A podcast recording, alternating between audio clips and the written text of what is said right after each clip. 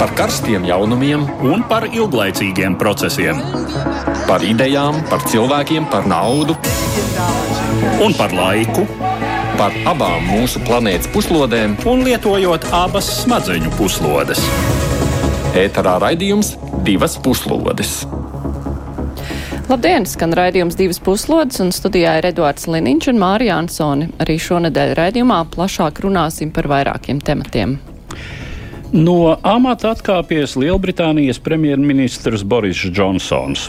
To nācās darīt pēc tam, kad no amata aizgāja vairāki desmiti dažāda ranga valdības locekļu. Konservatīvo neapmierinātība ar Džonsonu cita starpā saistīta ar karantīnas režīma pārkāpumiem Downing Streetā, izšķērdīgu savas oficiālās rezidences renovāciju un nepiedienīgā uzvedībā apsūdzēta kandidāta iecelšanu augstā amatā. Džons Džonsons gan amatu pametīs tikai tad, kad tiks izvēlēts viņa pēctecis, un tas plānots septembra sākumā. Pretendentu amatam netrūkst. No amata atkāpies, bet pie reizes arī pamets valsti Šrilankas prezidents Gotabāja Raģapaksa, bet šīs demesijas iemesli ir pavisam citi. Tie saistās ar plašiem nemieriem, ko valstī izraisījusi smagā ekonomiskā krīze. Protestētāji bija ielauzušies arī prezidenta oficiālajā rezidencē un kancelējā, taču Raģapaksa paspēja aizbēgt pirms demonstrantu ierašanās. Tikmēr ASV nerimst diskusijas par augstākās tiesas spriedumu, kas faktiski liedz sievietēm tiesības pašām lemt, izdarīt abortu vai nē. Jūnija nogalē augstākā tiesa atcēla pusgadsimtu senu spriedumu, kas atzina, ka šādas tiesības sievietēm izriet no Savienoto Valstu konstitūcijas. Līdz ar to tagad ASV štati ar savu likumdošanu drīkst būtiski ierobežot vai aizliegt abortus. Tiek lēsts, ka šādus ierobežojumus vai aizliegumus varētu ieviest puse no Savienoto Valstu štatiem, turklāt 13 pavalstīs šādi likumi jau ir pieņemti. Kopā ar mums šodien ir Latvijas Universitātes asociētais profesors Daunis Auvers. Labdien! Labdien! Un TV24 žurnālists Kārlis Streifs. Labdien! Ah, bet mēs ķeramies vispirms pie Lielbritānijas. Džonsons aiziet. Pagājusī ceturtdiena kļuva par pavērsiena punktu vienai no spilgtākajām personībām mūsdienu Eiropas un pasaules politikā. Šai dienā Lielbritānijas premjerministrs Boris Džonsons paziņoja par atkāpšanos no amata. Šo soli praktiski neizbēgami padarīja divu viņa kabineta ministru, kanclera jeb finanšu ministra Rišija Sunaka un veselības sekretāra Sedžipa Deivida demisija, kam sekoja apmēram 60 zemāka ranga valdības locekļu atkāpšanās. Konkrētais situācijas detonators bija konservatīvo partijas parlamenta darba organizētāja vietnieka Krisa Pinčera nepiedienīgā uzvedība kādā privātā ballītē, uzmācoties dažiem vīriešu kārtas viesiem. Lai gan līdzīgas epizodes Pinčera sakarā bijušas zināmas arī iepriekš, tas nav kavējis Džonsonu iekļaut viņu savā administrācijā. Tomēr šis gadījums nebūtu kļuvis izšķirošs, ja ne virkne citu skandālu, kuri pēdējā laikā satrisinājuši Toriju partijas frakciju. Skaļākais no tiem saistīts ar ballītēm, kuras notikušas vairākos valdības birojos laikā, kad valstī bija noteikti strikti pulcēšanās ierobežojumi pandēmijas dēļ. Vienā no šādiem saviesīgiem vakariem piedalījies arī pats premjerministrs, par ko bija spiests samaksāt policijas noteikto naudas sodu. Tāpat pēdējā laikā seksa skandāla dēļ nomata nācies atkāpties diviem Toriju partijas deputātiem, un vēlēšanās uz viņu vietām jūnija beigās konservatīvie zaudēja. Džonsona kabineta reputāciju apēnoja arī pieķeršana lobēšanas normu pārkāpšanā un nekontrolētos partijas sponsoru naudas tēriņos premjera rezidences remontam. Ievērojot Boris Džonsona nozīmīgo atbalstu Ukrainai tās karā pret agresoru valsti Krieviju, viņa demisija izraisījusi teju sajūsminātas reakcijas no Kremļa pārstāvju puses. Savukārt Ukrainas prezidents Volodimirs Zelenskis paudis nožēlu. Vairāki Eiropas Savienības politiķi, tā skaitā īrijas premjerministrs Mihāls Mārtiņš, pieminējuši Džonsona viņa lomu Brexit procesā un pauduši cerības, ka viņa aiziešana nākšot par labu dialogam ar Lielbritāniju. Boris Džonsons paliks premjera amatā līdz brīdim, kad konservatīvā partija ievēlēs jaunu līderi. Balsojumam konservatīvo frakcijā jāsākas šodien, un tam nominēti astoņi kandidāti, starp kuriem ir demisionējušais kanclers Rišijs Sunaks un pašreizējais kanclers Nadims Zahāvī, ārlietu ministre Līza Trasa, tirsniecības ministre Penija Mordenta un bijušais ārlietu ministrs Džeremijs Hans.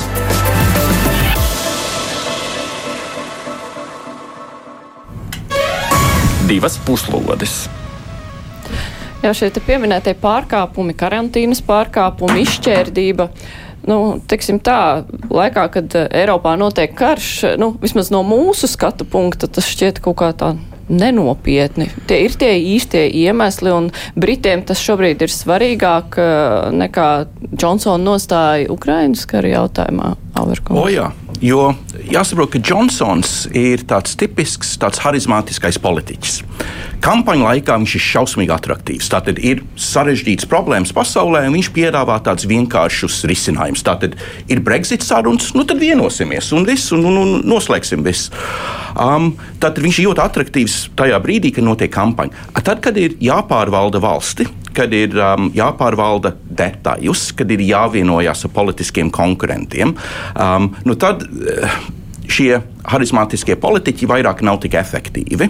Un kopš Džonsons ieņēma premjera amatu 19. gadā, visu laiku seko krīzes, visu laiku seko skandāli, kas galvenokārt saistās ar to, ka viņš ir vienaldzīgs par detaļām, ka viņš īsti nesatraucās par tādām lietām, kad ieceļ amatos skandalos cilvēks, nu, kā pēdējais tas Kris Pinčers, bet arī līdzīgi viņš ir iecēlis tādus nu, cilvēks, kuriem visticamāk nevajadzētu pildīt ministra amatus, vai Pinčera gadījumā uh, viņš bija frakcija uh, vadītāja vietnieks uh, konservatīvu partijai.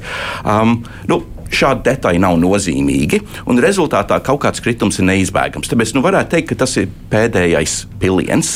Un Britiem šie jautājumi ir aktuāli, jo kaut gan ir karš, protams, Ukrainā, Britiem varbūt tikpat svarīgi ir jautājums, nu, kas notiek ar Ziemeļīriju, kāda būs vienošanās ar Eiropas Savienību, un, protams, ekonomiskā krīze, kas skar ne tikai Lielbritāniju, bet arī visas valstis Eiropā. Pensionāri satraukušies par to, kā tad sildīs savu mājokli šo ziemu. Bezdarbnieki satraukušies, nu, kas tad notiek ar inflāciju, vai mūsu um, piemaksas uh, sekos līdz pieaugumam inflācijā. Um, un tā tālāk. Um, tā tad ir daudz sarežģītu jautājumu. Ukraina ir tikai viens no šiem. Un neskatoties uz to, ka uh, neapšaubām uh, Džonsons ir līderis Ukraiņas jautājumā, jo tas ir tāds vienkāršs jautājums, ir sliktie. Kremlis un labie ukrāņi. Tad viņam ir ļoti vienk, vienkārši runāt par šiem jautājumiem, jo viņi nav sarežģīti. Bet, kad skatās uz tiem sarežģītiem iekšpolitikas jautājumiem, viņam īsti nav idejas, viņam nav risinājumi. Tagad Britu publika Uh, ņemot vērā, ka viņš tagad ir bijis amatā apmēram trīs gadus, nu, Briti to saprot. Bet, nu, cik nozīmīgi ir Džonsona figūra tieši saistībā ar Ukrainu? Nu, tajā, kā, kāda ir Lielbritānijas pozīcija? Jo, nu, droši vien, ka tā būtu arī Ukrainai atbalstoša, bet jautājums, nu, cik lielā mērā šī persona ietekmē šo, šo pozīciju un arī palīdzību, jo ja, ir jau ne tikai skaļi, skaisti vārdi, bet ir arī palīdzība un lēmumi šajā sakarā. Jā, nu droši vien īsti to varēs atbildēt vēsturnieki pēc gadiem 20 vai varbūt pat 50, cik liela ir bijusi konkrētās personības loma. Droši vien nevajadzētu pārspīlēt no vienas puses, un nu, tie izteikumi, kas nāk no Maskavas, ka nu, redziet, eh, nemāk ar mums sarunāties, tāpēc dabūjiet mm, tagad trūkties un tā, un uh, kaitiniet vēl Krieviju, tad jūs visi redzēsiet. Ja? Uh, nu, tas nav nopietni ņemams. Protams, Lielbritānijas politika nenosaka šai ziņā viens cilvēks. Tā ir vismaz valdošā partija, bet es domāju, sabiedrības noskaņojums kopumā te ir svarīgs, jo uh, arī tām valstīm, kuras eh, nu, mēs redzam, Uh, atturīgāk vai gausāk atbalstām Ukrainu nekā to ir darījuši Briti, nu, konkrēti tātad Vācija pirmām kārtām nāk prātā. Arī tur jau iemesli nav meklējami tikai, piemēram, kanclera Šolca personībā, jā, jo, jo nu, kaut arī teiksim, nu pat pirms brīža uzpeldēja man telefonu šķirstot tāds plakātiņš, kur ir kanclera Šolca olas, palīdziet viņam tās atrast. where, where are his balls? Vai, nu, vai nu, pautī, respektīvi. Ja. Bet, ja jau to tā nopietnāk uzlūko, tad ir skaidrs, ka iemesli ir vācu sabiedrības, būtiski iemesli ir vācu sabiedrības noskaņojums. Nu, tāpat šajā gadījumā tā ir lielā mērā tomēr Lielbritānijas sabiedrības un politiskās vides vispārējā nostāja, kas nosaka uh, politiku Ukrainas sakarā. Tad bažām par to, ka Lielbritānijas pozīcija varētu būt maigāka, nu tur par to var neuztraukties. Nē, es domāju, ja mēs vērojam uh, kandidātu uzstāšanās un arī pirmās debates, Ukraiņas jautājums knap figurē um, jo visi kandidāti atbalsta uh, pozīciju. Un, un es esmu manījis to, ka kandidāti faktiski sola palielināt aizsardzības budžetu un vēl vairāk aizstāvēt Ukraiņu. Nav neviens tāds kandidāts, kas saka, nu, nu varbūt mums ir jāpārdomā mūsu pozīcija. Ir pavisam citi jautājumi, kas ir saistīti ar uh, nodokļiem, uh, kas ir saistīti ar ekonomiskiem jautājumiem, ar uh, migrāciju, ar bēgļiem. Tie ir dienas kārtībā, bet par Ukraiņas jautājumu konservatīvā partija ir nu, vienprāt, vienprātībā ar uh, Boris Džonsonu. Jā. Uh, šie kandidāti viens pēc otra sola, ka viņi samazinās nodokļus, nesakot, kā tie tas tiks kompensēts. Viņi arī apgalvo, ka viņi ir lielāki Brexita aizstāvji nekā citi kandidāti. Attiecībā uz Johnsonu man vienmēr ir licies, ka viņš ir savā ziņā Lielbritānijas Donalds Trumps. Tādā nozīmē, ka viņš ir nevērīgs pret frizūru un apģērbu, viņam nāk no mutes laukā absolūti katra, katra lieta, kas ir uz mēles, un viņš ir gatavs melot un melot un melot un melot. Uh, viņa demagoģija bija lielā mērā tā, kas panāca Lielbritānijas izstāšanos no Eiropas Savienības. Pirms tam viņš bija demagoģisks žurnālists, kurš no Briseles rakstīja, ka taisās aizliegt liek, liekus gurķus vai taisnus banānus vai kaut, kaut, kaut ko tam līdzīgu. Viņš visu mūžu ir bijis liels demagogs. Bija gadījums, kad viņš viesojās bērnu nometnē, kur centrālā figūra ir Peppa Pig, un tad biznesa viņa auditorijas priekšā sāka par to runāt. Viņam sajuka, kur, kurā vietā bija viņa runa, un viņš sāka priecāties par to, ka viņš tur bija bijis. Tātad cilvēks eh, manā uzturē ne īpaši nopietns. Bet eh, tā ir taisnība, ka viņam eh, ir nu, tā kā, nu, tāds paraugs Winstons Čērčils. Oh, jā, un, un, un tāpēc, viņš gribētu būt tāds. Nu, jā, un tāpēc man liekas, ka mēs arī nesam. Nu, ka Boris Džonsons nepazudīs no politiskā skatuves. Viņš noteikti tagad atkāpsies uz kādu laiciņu, viņam ir jāpelna naudu. Tur, tur, tur visi Lielbritānijā zina, ka viņam ir liels deficīts šobrīd naudas makā. Viņam arī nav īsti kur dzīvot šobrīd. Tātad viņš nākamos gados sapelnīs naudu, pienākās bijušiem britu premjeriem. Tad visticamāk viņš mēģinās atgriezties lielā politikā, līdzīgi kā Vinstons Čerčils arī to darīja. Bet eh, šajā gadījumā karš Ukrainā viņam ir bijis atspērienu punkts, jo tur viņš jūtas kā zivs ūdenī, tieši runājot ar cilvēkiem. Eh, citos jautājumos viņš kur jutīsies kā zivs ūdenī? Brexit, jo viņš arī sevi uzskata par Brexit eh, tēvu un konservatīvai partijai. Brexit jautājums ir jautājums numur viens.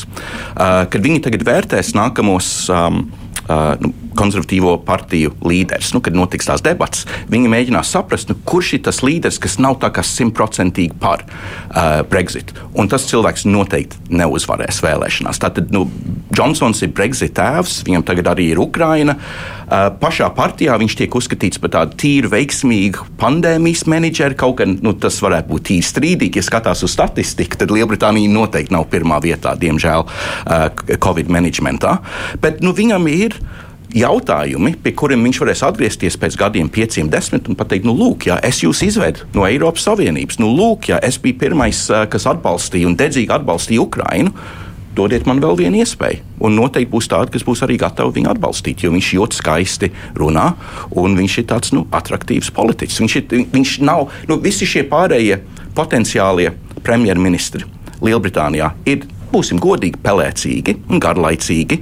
Viņi pa lielam ir tehnokrāti. Izņēmums ir tāda Liz Truss, ārlietu ministra, kur arī tāda, nu, viņi tiek uzskatīti par tādu. Nu, plānprātīgi pa lielam, bet visi pārējie ir ļoti inteliģenti um, tehnokrāti, kas vienkārši nu, īsti neuzrunās britu tautu. Bet Džonsons ar saviem matiem, savu nesakātu, nu, ka viņam krekls nav iebāzts piksēs, uh, uh, tas, ka viņš tik attraktīvi runā un ir gatavs arī darīt muļķīgas lietas, nu, viņš uzrunā iedzīvotājus, un viņš uzrunā šodien, vēl vienu un arī pēc desmit gadiem. Tātad, nu, manuprāt, Džonsons atgriezīsies līdzīgi kā, protams, arī Amerikā Donalds cenšas nu, atgriezties. Bet redzēsim, bet tajā pašā laikā Džonsona valdība signalizēja, ka tā ir gatava saplēst līgumu ar Eiropas Savienību, kāda tā pati izstrādāja attiecībā uz Ziemeļīriju.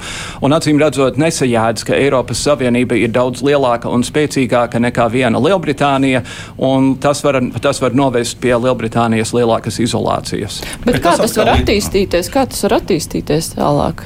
Es nezinu, es, es nezinu vai Eiropas Savienība, Eiropas Savienība diez vai piekritīs tā kaut kam, un uh, līdz ar to visticamāk līgums attiecībā uz uh, Ziemeļīriju paliks spēkā vienalga, ko grib. Nu, nezinu, Brit, Briti ir gatavi to laust. Um, un visticamāk, ņemot vērā konservatīvā partijas biedru nostāja, ka Brexit ir kaut kas, nu, kas ir nemaināms. Uh, tātad tiem diviem kandidātiem, jo gal galā būs divi kandidāti kas tiks atlasīti līdz nākamās nedēļas, par ko balsos 160 tūkstoši britu konservatīvo partiju biedru. Šie biedri pa lielam ir veci. Viņi ir bagāti, vidusšķiri, viņi pa lielam dzīvo Dienvidanglijā, un viņi ir vīrieši, un viņi ir dedzīgi Brexit atbalstītāji. Un tā tad visticamāk būs jāsola um, laust šo līgumu. Un Britiem jau ir modelis, kā viņi gatavojas to īstenot, un es domāju, ka tā, viņi arī to darīs. Jo, Savdabīgs veids, kā izvēlēties premjerministru maigi. Jā, bet šeit ir tas klasiskais, nu, šeit atkārtojas tas, ko es minēju par Džonsonu, ka Džonsonam ir tā lielā bilde.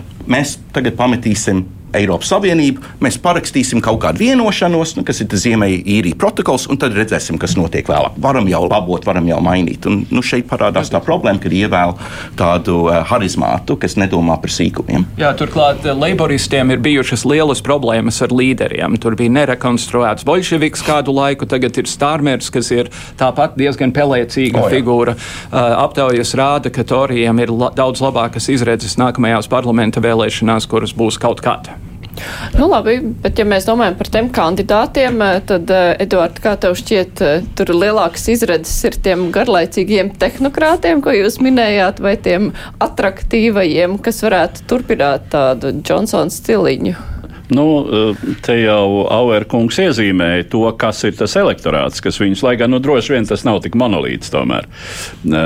Bet, jā, nu, grūti, grūti teikt, es domāju, savu Mm, sava loma ir tam, eh, kāds ir līdzšinējais premjerministrs bijis un eh, kā tā politiskā tendence ir kaut kā jāturpina. Mm, bet eh, nu jā, man, man ir grūti pateikt, vai teiksim, mm, Rišijs Sunaks varētu būt, varētu būt tīkamāks par Līzu Trasu vai kas nu mums tur vēl ir. Dīvaini, kā. Nu, ko nozīmē dīvaini, eh, tika minēts arī līdzšanējais aizsardzības sekretārs kā iespējams eh, kandidāts, bet nu, viņš tajā listē neparādās. Acīm redzot, viņš nav savācis tos vajadzīgos 20 toriju deputātu mandātus, vai arī nav, nav pretendējis uz šo um, premjeru amatu. Jā, šķiet, ka tā.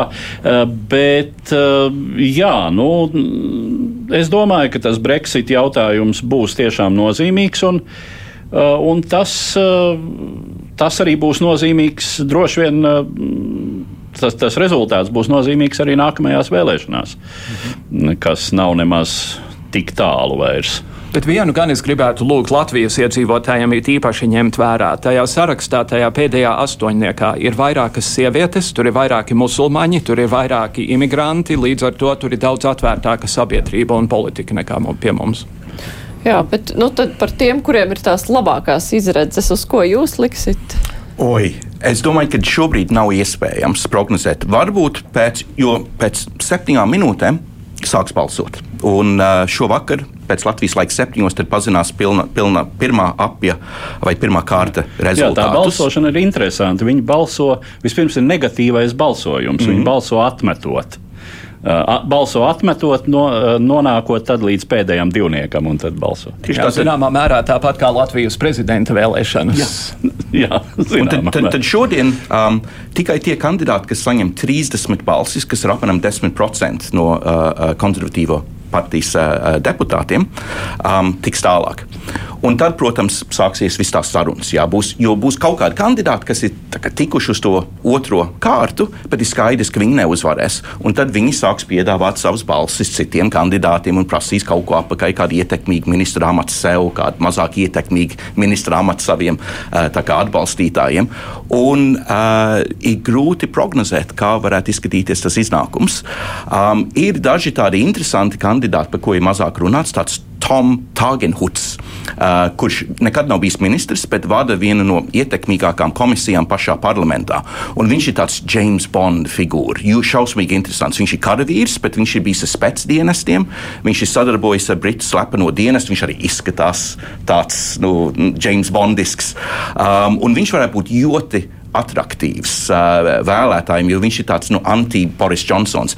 Bet viņam ir viens liels mīnus, ka viņš ir tas vājākais tieši Brexit jautājumos. Viņš ir relatīvi centrisks Brexitā, viņš balsoja pret Brexit, bet saka, ka viņš akceptēs to, to rezultātu.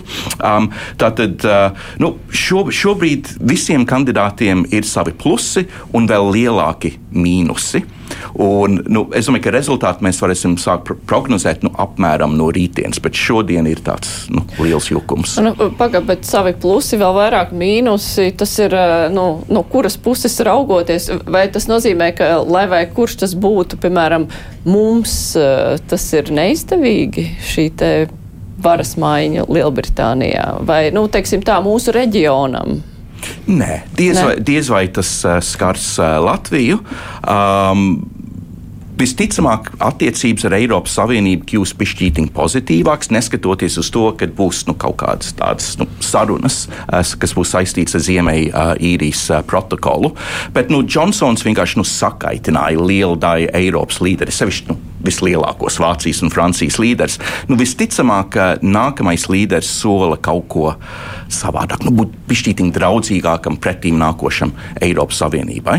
Um, bet... Svarīgāk Latvijai, protams, ir, ir Lielbritānijas status NATO aliansē nekā Eiropas Savienībā, kādreiz tas bija. Un, un šeit tiešām nekas nemainīsies. Konservatīvā partija, tā partija, kas ir tradicionāli bijusi par aktīvu uh, ārpolitiku, aktīvu aizsardzības politiku, un nu, šeit kaut kādas izmaiņas nav prognozējams. Uh, tad, kad parādīsies uh, nu, teiksim, tā, kaut kādi pirmie uzvārdi, kuri tur iet tālāk, vai iezīmēsies arī nu, teiksim, arī tās intereses, kas ir uh, konservatīvajiem, kas ir svarīgāk, kas ir mazāk svarīgi. Nu, teiksim tā, par ko uh, vairāk uztraucas konservatīvie, kāda politika varētu tad nākamā būt, vai šobrīd nu, ir nu, pilnīgi vienalga, teiksim, tas pamats, ko viņi nesīs, ka tas būs viens un tas pats. Nu, ideoloģiskā cīņa ir par nodokļiem. Tas ir tas lielais jautājums. Tātad uh, liela daļa šie kandidāti piedāvā samazināt nodokļus, sākot ar, ar um, uh, uzņēmumu nodokli, uh, bet arī akcijas nodokli un, dažas citas lietas. Un tad ir Rišijs Sunaks. Un daži citi kandidāti, kas sola, ka nē, nē, nē, mēs tā nedrīkstam darīt. Mēs esam konservatīvie. Vispirms mums ir svarīgi līdzsvarot budžetu, lai nebūtu pārāk liels deficīts kaut ko būs jāgriež, un tad mēs varam domāt par uh, nodokļu samazinājumiem. Un, nu, šis ir tas lielais būtiskais jautājums, kas izskanēs um, it sevišķi uh, Britu parlamentā, kamēr deputāti balso. Tad, kad mēs tiksim līdz uh, nu, tas nav gluži tautas balsojums, bet tad, kad mēs tiksim uz uh, biedru balsojumu, nu, tad mēs atgriezīsimies pie Brexit uh, kā atslēga jautājuma. Bet uh, deputātiem, man liekas, tieši šis ekonomiskais jautājums ir pirmā vietā. Bet, nu, katrā ziņā, es nezinu, at, atšķirībā no Latvijas politikas, nu, tas, cik ļoti tas ir miglātīts, tas rezultāts, nu, tas ir neparasti. Jo mums parasti iezīmējās favorīti, tomēr vairāk vai mazāk uzreiz kaut ko mēs varam atmest un kaut ko nolikt tajā nu, pirmajā trīniekā. Bet... 11 cilvēki, kur kandidē uz vienu amatu. Nē, nu šeit arī tas ir interesantais moments, kad deputāti balso, un deputātu vidū ir arī tādi politiķi, kas ir populāri, kas nav plašāki zinām. Nu, piemēram, vislielāko aplausu vakar uzstājās visi šie kandidāti um, uh, parlamentā tādā. Pietiekami, es gribēju teikt, nelielā, bet pietiekami lielā tikšanās, kur bija liela daļa uh, deputāti. Un viskaļāko aplausu nopelnīja kandidāti, kurus vārdus neatceros. Uh, bet viņa ir kaut kāda kā, nu, uh, ap, Latvijas sistēmā tas būtu valsts ministra līmeņa ministra, bet kur ir šausmīgi populāra parlamentā, jo viņa, ir, jo viņa cīnās pret uh, woke politiku, tātad nu, pret politiskām korektām lietām, un viņa saka lietas, ko citi nevar, ko viņa var darīt, jo viņa pati ir izcēlusies no Niģērijas, dzīvojusi aizsaudzībā ASV, Niģērijā un tikai pārcēlās uz Lielbritāniju, kad viņai bija 16 gadi, un tad ļoti veiksmīgi strādāja Londonas Cityā, nopelnīja lielu naudu. Tagad viņa tā, nu, runā tādā valodā, kas, ko nu, Baltijas politiķi uh, Britu parlamentā nevarētu. Un viņa it kā ir vislielākā favorīte starp pašiem deputātiem, bet plašākai publikai viņa ir pilnīgi nezināma, neprognozējama. Jā, nu, katrā ziņā aizraujošs process, bet mums ir laiks pievērsties citai demisijai, citā pasaules malā. Mēs tagad runāsim par Šrilanku.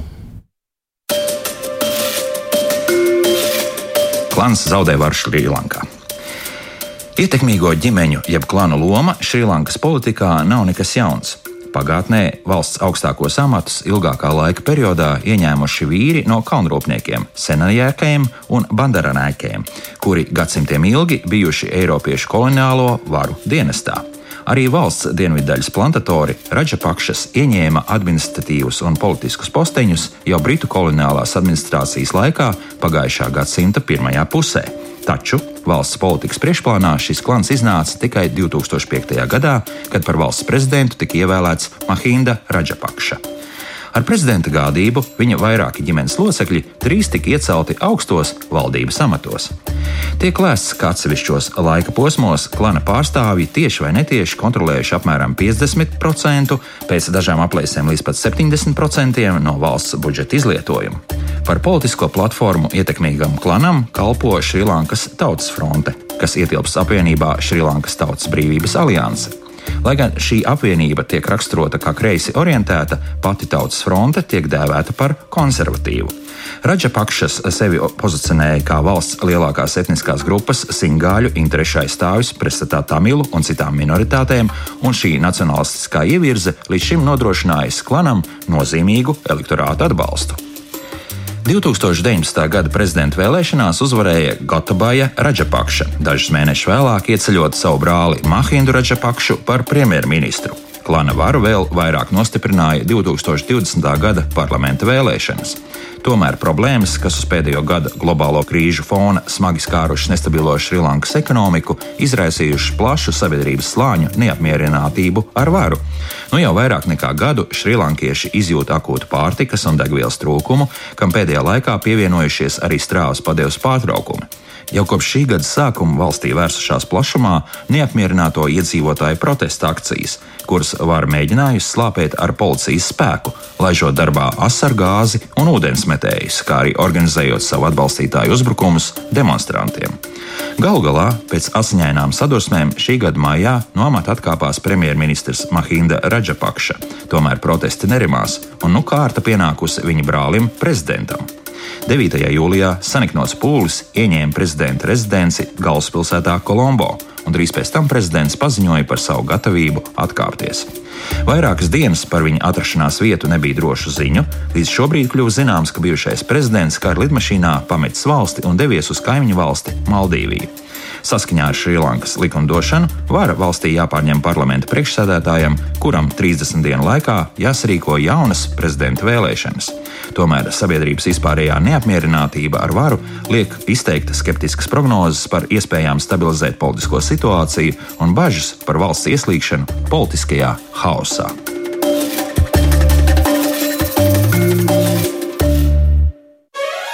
Divas puslodes!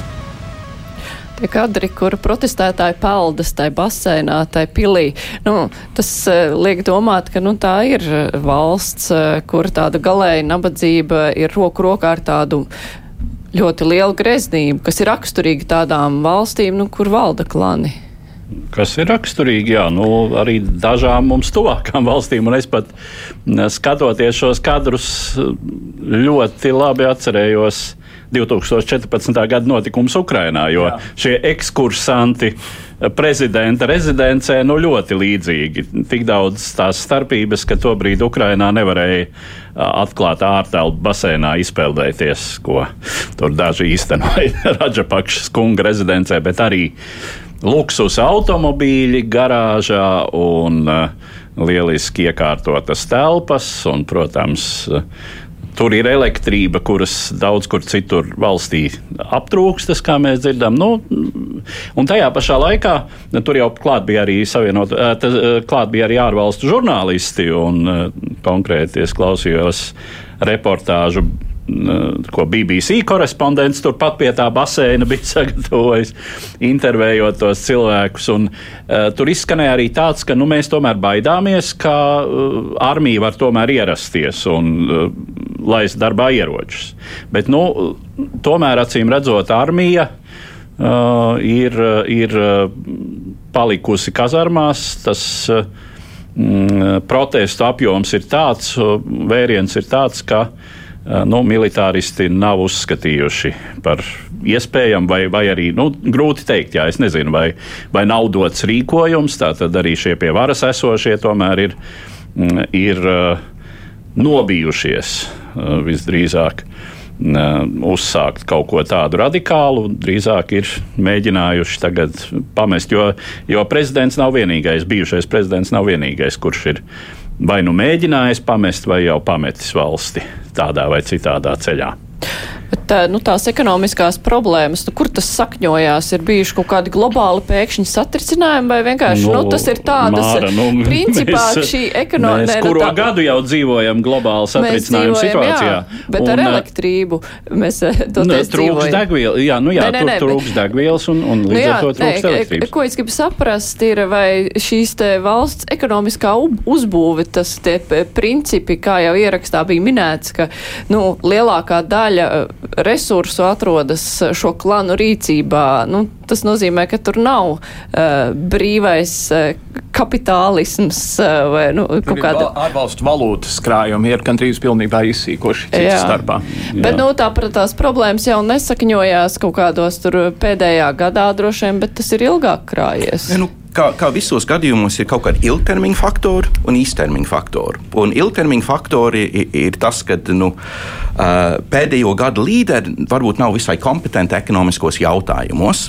Tātad Šrilanka ir slavena to, ka pirms trim gadiem līderis pieņēma lēmumu, ka mēs pilnīgi simtprocentīgi pāriesim uz bioloģisko saimniecību. Lauksaimniecību. Um, jā, jā, uz, uz bioloģisko lauksaimniecību. Pilnībā.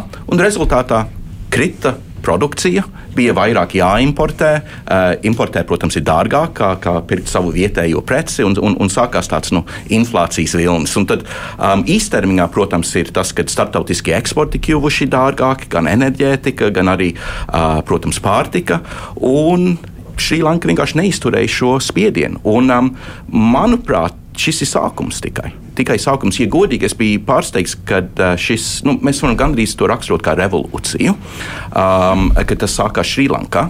Jo, ja mēs skatāmies uz Latviju Ameriku, ir tādas valstis kā nu, Peru un Panama. Ja skatāmies uz lielākām valstīm, Argentīnu, kas ir ļoti līdzīgā situācijā, kur arī ir milzīga informā, uh, inflācija, cilvēki jau labu laiciņu iet uz ielām, un arī varētu sākties tāds nu, apvērsumu vai revolūcija vilnis pasaulē.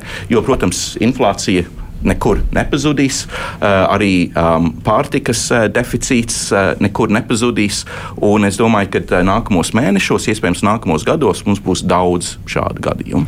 Tas... Dienvidaustrumāzijā ir viens elements, kurš nav Latvijā, Amerikā un citur. Proti, daudzās no šīm valstīm dzīvo daudzas dažādas tautas, tā skaitā cilvēki ar dažādu reliģiju, kur, kur iesaiet ragos. Mjanmā notiek etniska tīrīšana, ir bijušas līdzīga veida problēmas uh, Taizemē un, un reizēm Indijā, un Pakistānā un Bangladešā.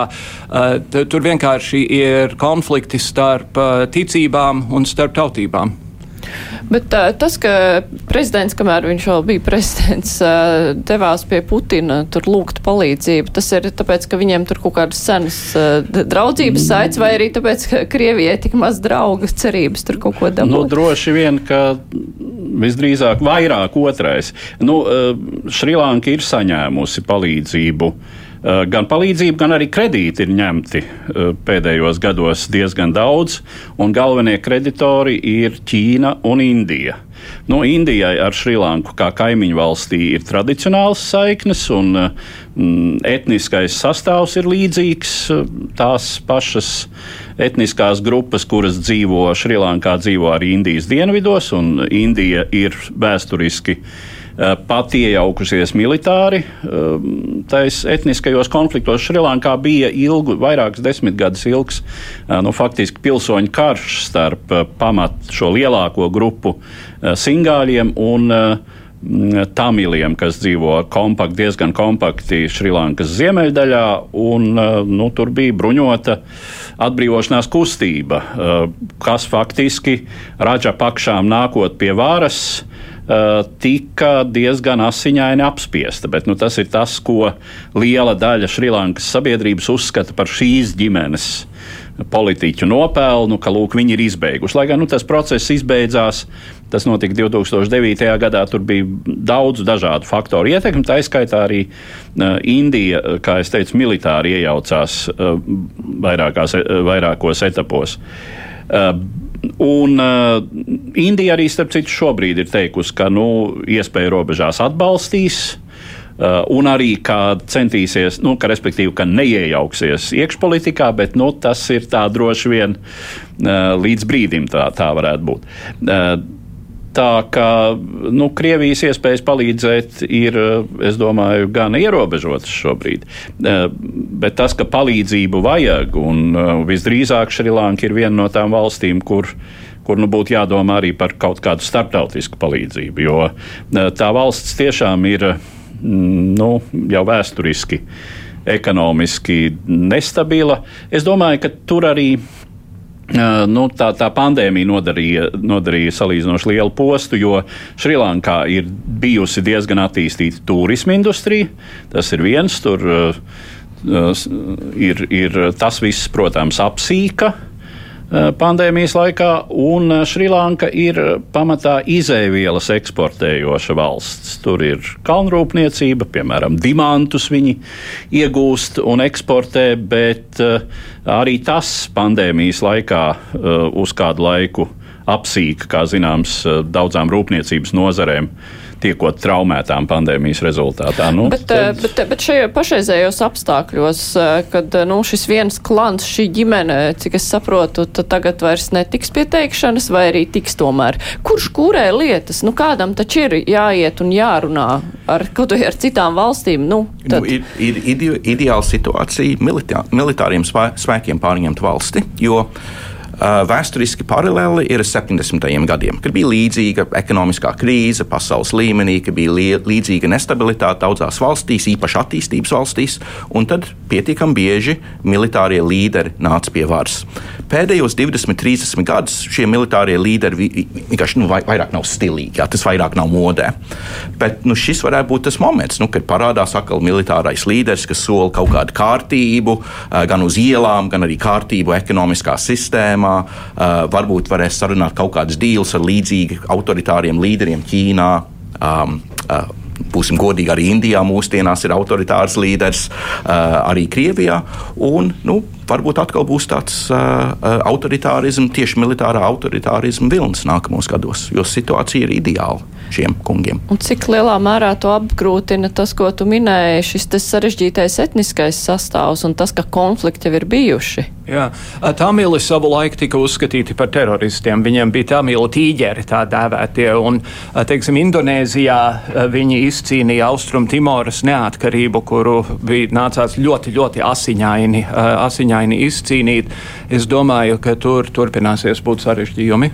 Bet bruņotie spēki mums jāatcerās, ka tradicionāli bruņotie spēki ir uh, tāda institūcija, kas vieno sabiedrību. Kas uh, tu, tu, iesaukumā tu ņem no visām etniskām grupām, no visām reliģiskām grupām, un tad, kas saliec kopā vienā katlā. Tāpēc atkal nu, tas, šī situācija varētu būt izdevīga. Nu jā, bet šķiet, ka Šrilankā, atšķirībā no dažām citām reģionu valstīm, nav tādas iestrādātas uh, militāro huntu tradīcijas. Uh, nu, teiksim, turpat blakus Mjanmā mēs redzam, mm. ka mhm. tur lielākoties kopš uh, neatkarības uh, iegūšanas 50. gados tur lielākoties militāristi ir bijuši pie varas. Pakistānā, kā zināms, ir bijušas, bijuši militāri apvērsumi. Nu, teiksim, Šrilankā varbūt tomēr, lai, lai cik problemātiska un trausla tā demokrātija ir pastāvējusi, nu, tāpat kā blakus esošajā Indijā kur jau arī ir milzums problēma, bet nu, tomēr teiksim, tā demokrātiskā sistēma pastāv. Un, nu, kā zināms, Indija ir lielākā demokrātija pasaulē pēc vēlētāju skaita. Bet tas nozīmē, ka ir jābūt vēl kādiem līderiem, kuri ir gatavi nu, ņemt ne, nu, ir, ir, uh, ir iedibināta partiju sistēma. Teiksim, tā, nav gluži tā, ka visas partijas tur būtu tikai uh, klānu kabatas partijas. Lai gan šī klānu ieteikumi ir, bet nu, ir, ir teiksim, kaut kāds uh, demokrātiskais mehānisms un, un uh, partiju sistēma pastāv. Uh, nu, tiesa, tur ir arī ļoti daudz šo sīkpartiju, kas ir ar, ar etnisku, ar reliģisku, uh, ar um, radikālu sociālu ievirzi. Uh, Piemēram, Šrilankas vecākā partija izrādās ir Trotskistu partija, dibināta pagājušā gadsimta 30. gados. Uh, bet no šīm partijām uh, lielākoties nav tādas dominējošas ietekmes, tās parasti pievienojas. Nu, ir ir divi, divi lielie spēlētāji politikā, no, no kuriem viens ir šī mm, arī tāds sarežģītais konglomerāts, kas ir šī tautas atbrīvošanas alianse, kur ietilps šī Raģapakšu dibinātā partija un tad uh, viena no vecākām kreisās ievirzes partijām. Nu, un tad ir otra, otra lielā, mm, otrs lielais bloks, kas šobrīd parlamentā ir mazākumā, uh, nu, kas ir pamatā labējāks pēc savas vispārējās ievirzes, tāds, nu, kā, tas, kā par to tiek teikts, tāds tradicionāli kapitalistiski orientēts, jo, jo šim ir nu, tāda populistiski, sociāla, bet nu, tajā pašā laikā, teiksim, paši ražapakšas tiek raksturoti, ka nu, viņi ir mēģinājuši apelēt arī pie konservatīvām vērtībām, pie tāda tradicionāla nacionālisma, ja, singāļu nacionālisma, mm, nu, tāda nācijas vienotāja un glābēja.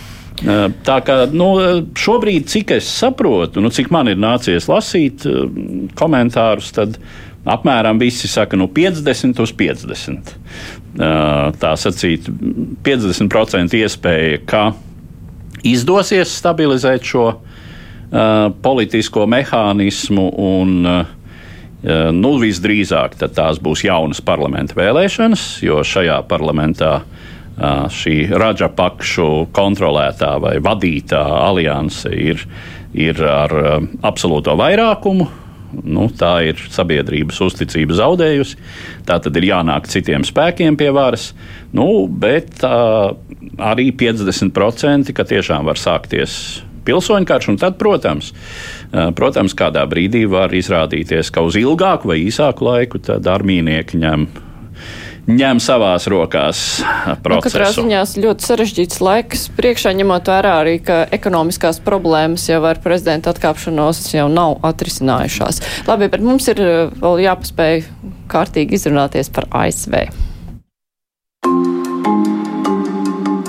Abortu un ieroču problemātika Amerikas Savienotās valstīs pēdējās nedēļas sāsinājušas uzmanību uz ilglaicīgām Savienoto Valstu iekšpolitikas problēmām, kas iezīmē nozīmīgas idejas šķirtnes amerikāņu sabiedrībā. Pirmkārt, jāmin Savienoto Valstu augstākās tiesas 24. jūnijas spriedums lietā DOPS pret Džeksonas sieviešu veselības organizāciju, kas faktiski atļauj štatu likumdevējiem noteikt aizliegumus un ierobežojumus abortu veikšanai. Tas maina apmēram kopš pusgadsimta Savienotajās valstīs iedibināto likumdošanas praksi, kas atzīst šādus aizliegumus par neatbilstošiem Savienoto valstu konstitūcijai.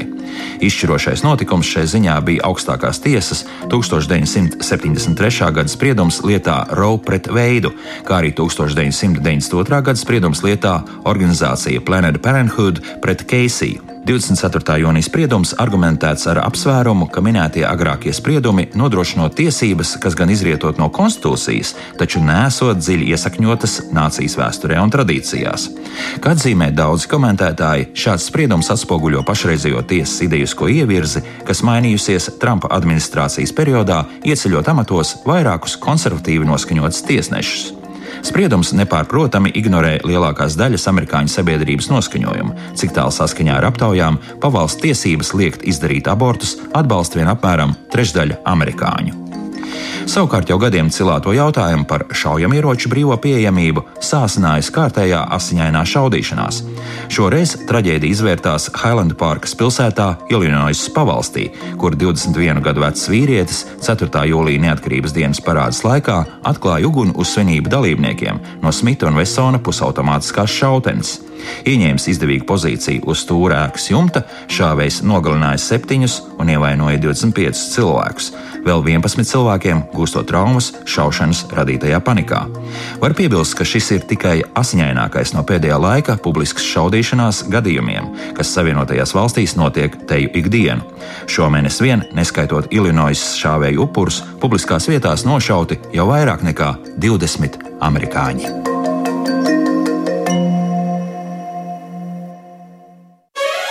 Divas puslodes! Kārli, lēmums par abortiem, tas jau bija sagaidāms, zinot, ka tiesas sastāvs ir mainījies Trumpa laikā. Jā, un eh, tas spriedums tika nopludināts mēnesi pirms tam, kur jau bija redzams, ka tā tas notiks. Eh, kanādiešu autore Margarita Atvuda, kur ir autore distopiskajam stāstam Kalpones stāsts, eh, nesen inter, in, Instagramā izvietoja fotografiju, kura viņa sēž, smīn, un rokās viņai ir krūzīte, uz kuras ir rakstīts: Es jau brīdināju, I told you so. Un, tas tiešām ir ļoti distopisks, distopisku situāciju rada Amerikā. Es vakar redzēju stāstu par ārsti Kalifornijā, kura mēģina saorganizēt kuģi, kas atradīsies ārpus kon, štatu kontrolētās zonas Meksikas jūras līcī, lai Amerikas dienvidos sievietes varētu tikt pie konsultācijām un pie, pie aborta.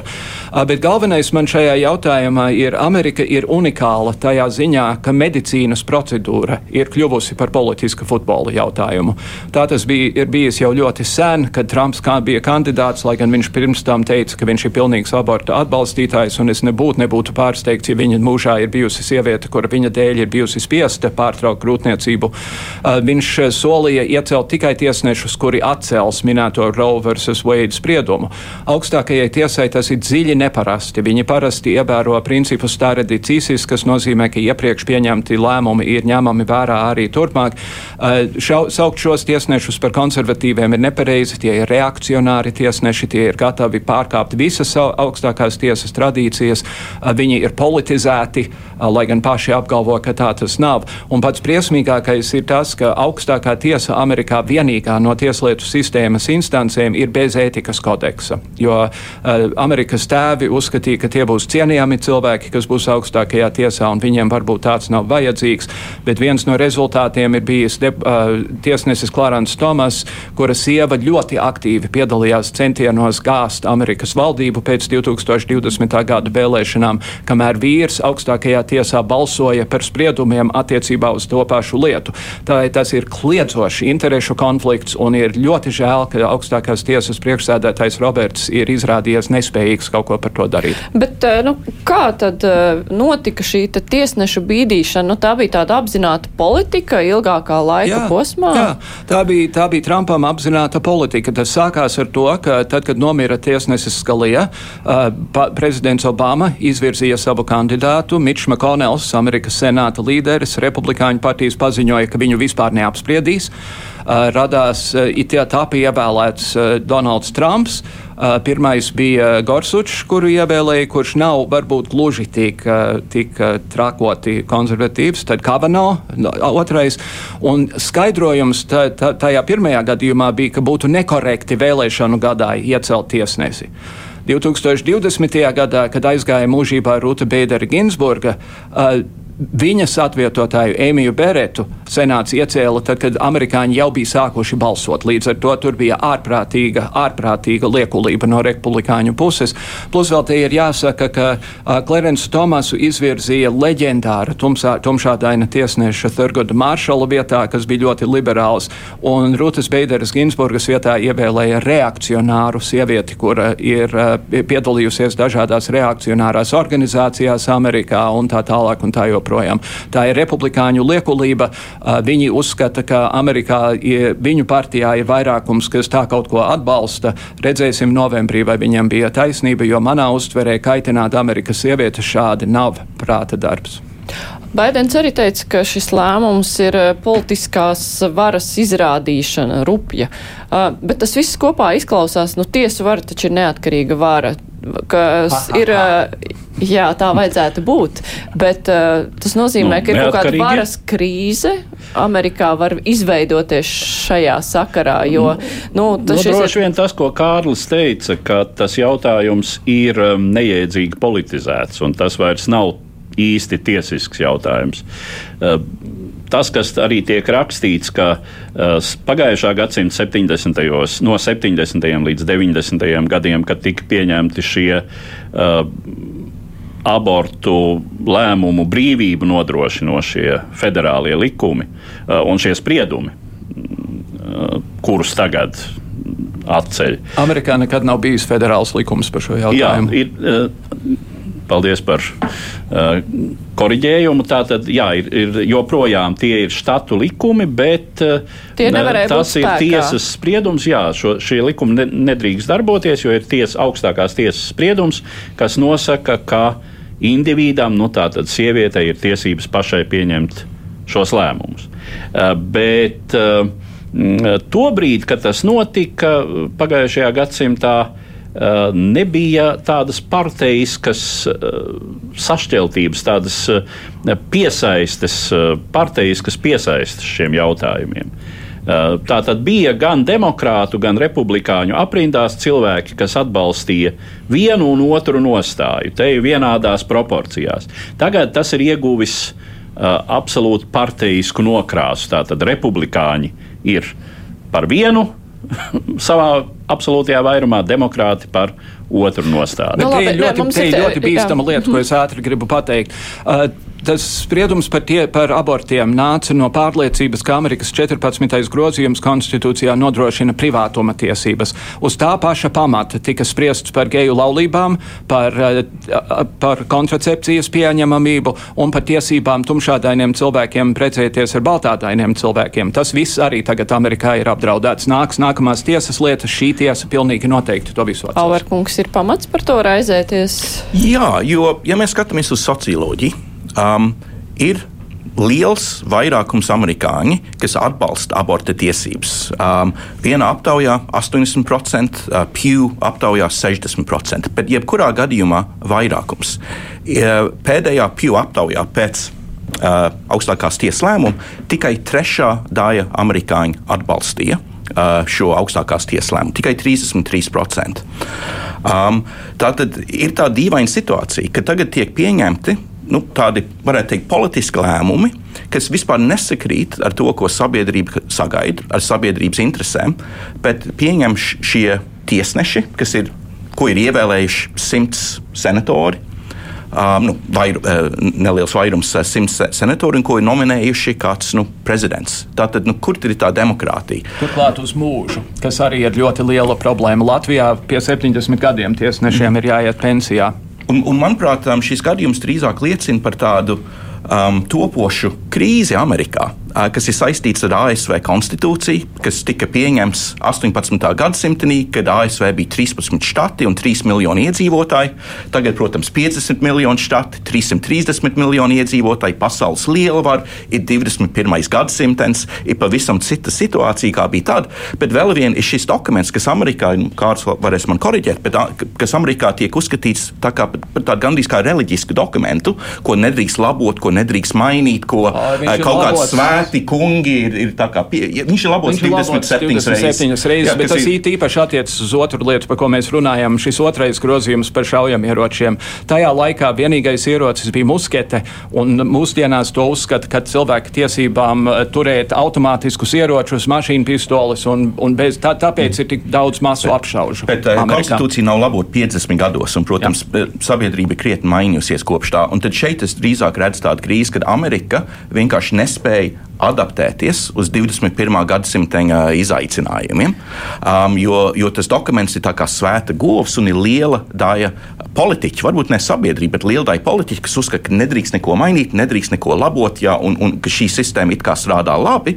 Bet nu, pēdējie gadi varbūt liecina par to, ka uh, nu, varbūt tā sistēma nemaz nestrādā tik efektīvi. No, pēdējais grozījums, kas tika pieņemts, bija par to, ka nedrīkst kongress palielināt pats savas algas. To apstiprināja apmēram 250 gadus pēc tam, kad tas tika pieteikts kongresā. Jā, bet nu skaidrs, ka šim lēmumam tā izklausās, ka būs tādas ļoti tālajošas sekas, un mēs par to nereizi vēl runāsim. Saku paldies, Daunis Auvers, Kārlis Streips, Eduards Liniņš un arī es Māra Jansona biju šodien kopā ar jums. Raidījums uh, izskan nākamnedēļ. Šajā studijā jau būs Eduards Liniņš un Puģis Lībietis. Visu labu! Divas puslodes!